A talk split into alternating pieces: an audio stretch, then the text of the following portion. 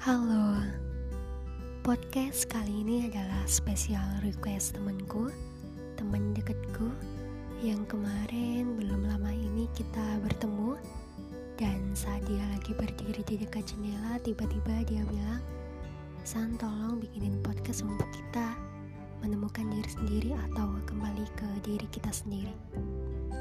Menurutku, Tahap akhir kita kembali dan menemukan diri kita adalah melakukan sesuatu, jalan, kita nggak lagi yang namanya ngerasa capek, ngerasa sedih, ngerasa terpaksa yang perasaan itu membuat kita bingung dan seolah tenaga kita udah terforsir habis-habisan, tapi kita kayak nggak dapet apa-apa.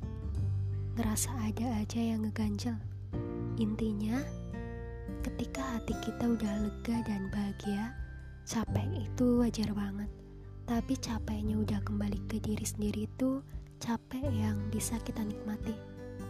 Kadang, beberapa faktor yang membuat kita kehilangan diri sendiri adalah kita membuat arus untuk mengikuti kemauannya orang lain, standarnya orang lain, atau kita merasa bahwa ketika kita menjadi A, kita bakal membanggakan buat orang lain atau kacamatanya orang lain.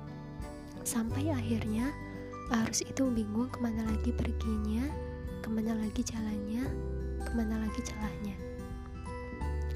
Proses mengembalikan diri sendiri mungkin bisa dimulai dengan mendudukkan diri sendiri, Q&A dengan diri sendiri, cukup diri sendiri saja dulu yang dipikirkan dan diutamakan, dan yang terpenting dalam proses ini adalah jangan dulu libatin orang lain, atau jangan jadikan orang lain sebagai objek yang harus diperjuangkan atau dibanggakan.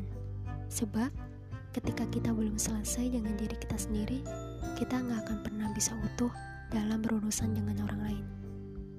Semangat walau kata semangat itu kadang amat menjengkelkan dan menyebalkan, semangat berproses menemukan diri sendiri.